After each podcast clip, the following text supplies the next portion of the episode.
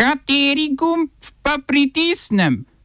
Tisti, na katerem piše OF.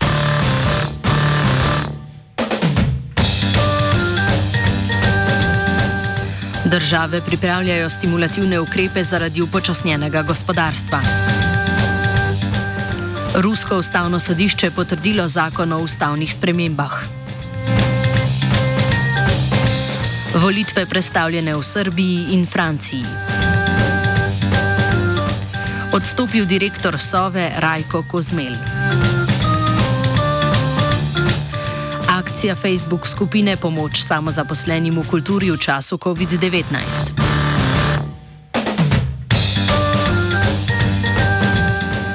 Rusko ustavno sodišče je odobrilo zakon, ki predvideva številne spremembe ustave.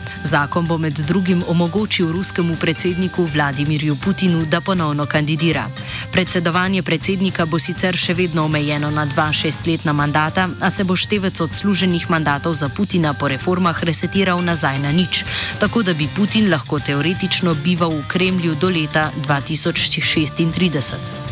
Ruska duma zakon o ustavnih reformah sprejema že od začetka leta. Šele prejšnji torek, en dan pred tretjim in zadnjim branjem, pa je bil med reforme dodan člen o ponovnem številčenju opravljenih mandatov. Putin je zakon podpisal v soboto, zakon pa morajo dokončno potrditi še ruski voljivci, ki bodo o spremembah glasovali na referendumu, ki naj bi kljub koronavirusu potekal 22. aprila. Več o ruskih ustavnih reformah lahko izveste v današnjem offsajdu, kot vedno ob petih.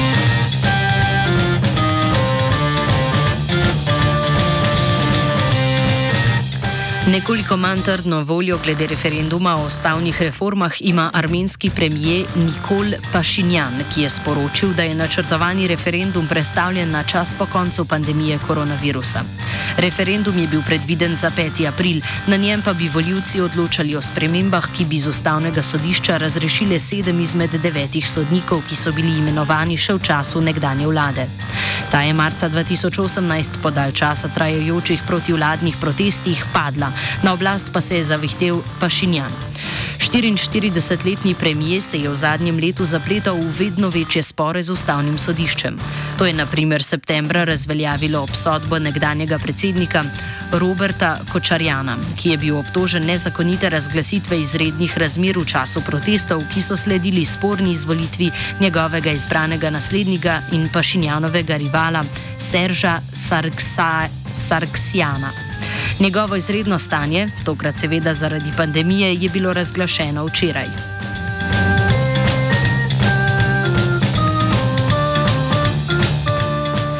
Izbruh virusa COVID-19 ne prizanaša demokraciji niti v Srbiji.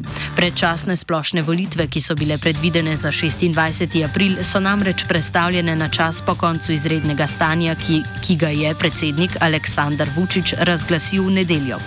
Več opozicijskih strank je sicer že prej napovedalo bojkot volitev, na katerih se je Vučićevi srpski napredni stranki in njenim zaveznicam nasmihala dodatna utrditev oblasti.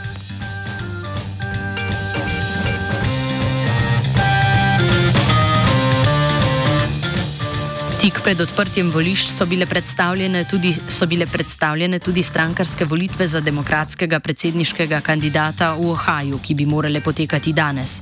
Ostale države tako imenovanega mini supertorka, Florida, Arizona in Illinois, bodo volitve kljub nekaterim opozorilom izvedle, na njih pa vodilni kandidat Joe Biden upa, da bo še bolj utrdil svojo kandidaturo.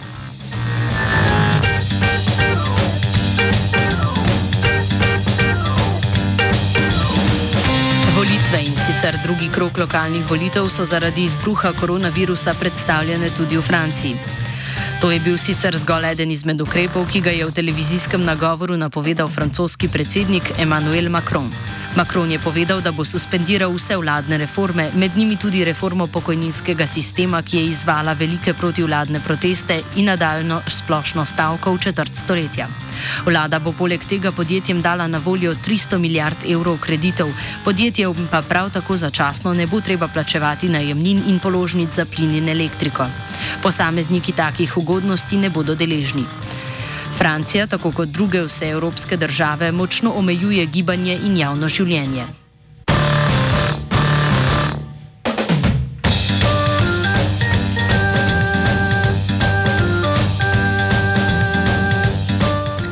Poleg tega Francija, tako kot druge evropske države, zapira svoje meje.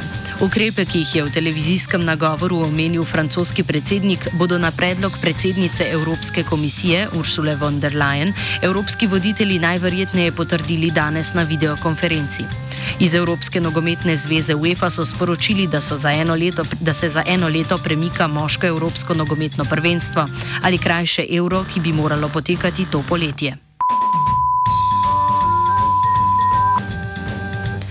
Znanstvena redakcija sporoča, generalni direktor Svetovne zdravstvene organizacije Tedros Adhanom Gebreisus je pozval države naj testirajo čim več ljudi, saj le tako lahko zajezijo širjenje koronavirusa. Nova slovenska vlada je obrala drugačen pristop in je tako rekoč prenehala šteti okužbe. Vsaka država trenutno tako deluje po svojih pravilih. Primer dobre prakse naprimer ponuja Tajvan. Na otoku so danes potrdili deset novih primerov SARS-CoV-2, kar je največji porast v enem dnevu. Prav tako je vseh deset primerov uvoženih, torej so se okužili v tujini. Od prvega premijeja e, primera 21. januarja do zdaj je vseh primerov 77 od skoraj 24 milijonov prebivalcev Tajvana. Otok je od celinske Kitajske oddaljen le 180 km. Pri tokratni pandemiji pa unovčujejo izkušnje iz leta 2003, ko so se že soočili z epidemijo prvega SARS-a. Ko je Kitajska 31. decembra poročala o morebitni bolezni, so takoj začeli pregledovati vse potnike in potnice, ki so prišli iz Wuhana. Že sredi januarja so vse bolnišnice sumljive primere testirale, potniki iz okuženih regij pa morajo biti v 14-dnevni karanteni. Vlada tudi nadzira distribucijo in ceno kirurških mask.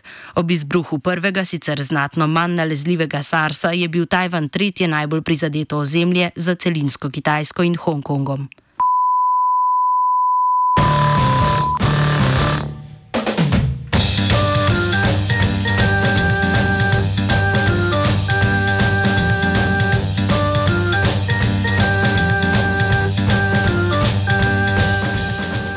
Krajši oddih od koronavirusa.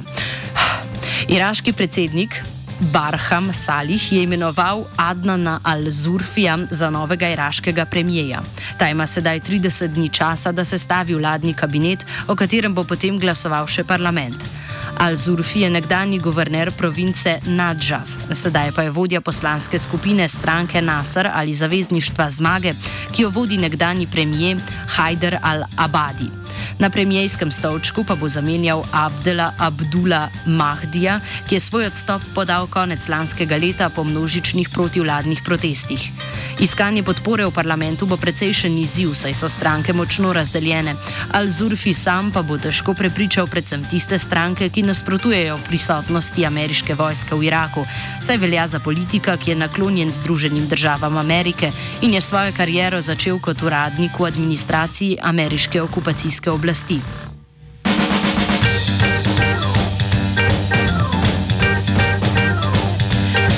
Španski kralj Filip VI se je odpovedal dediščini očeta in predhodnika kralja Juana Carlosa.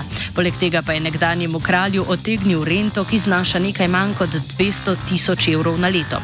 Filip VI se s tem hoče distancirati od svojega očeta, ki se je po številnih škandalih osebne narave sedaj zapletel še v finančno preiskavo švicarskih oblasti, ki preiskujejo posle dveh slamnatih podjetij.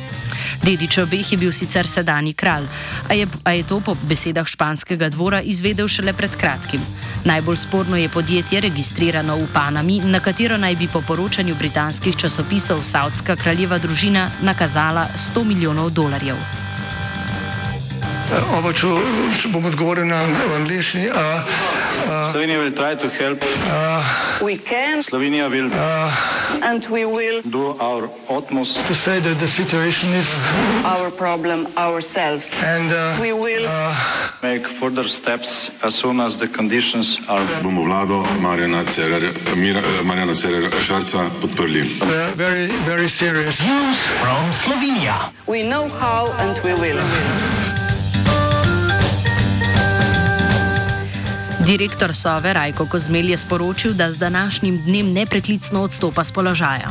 Kot je zapisal v odstopni izjavi, želi dati novi vladi možnost, da imenuje na mesto direktorja Sove osebo, ki bo uživala zaupanje vlade in s tem omogočila nujno potrebno nemoteno sodelovanje med obveščevalno agencijo in vlado. Kozmelje je zmotilo, da je bila Sova izključena iz sveta za nacionalno varnost. Prav tako ga kot direktorja obveščevalne službe ni kontaktiral novi premijer Janez Janša ali Žan Mahnič, ki je v njegovem kabinetu pristojen za to področje.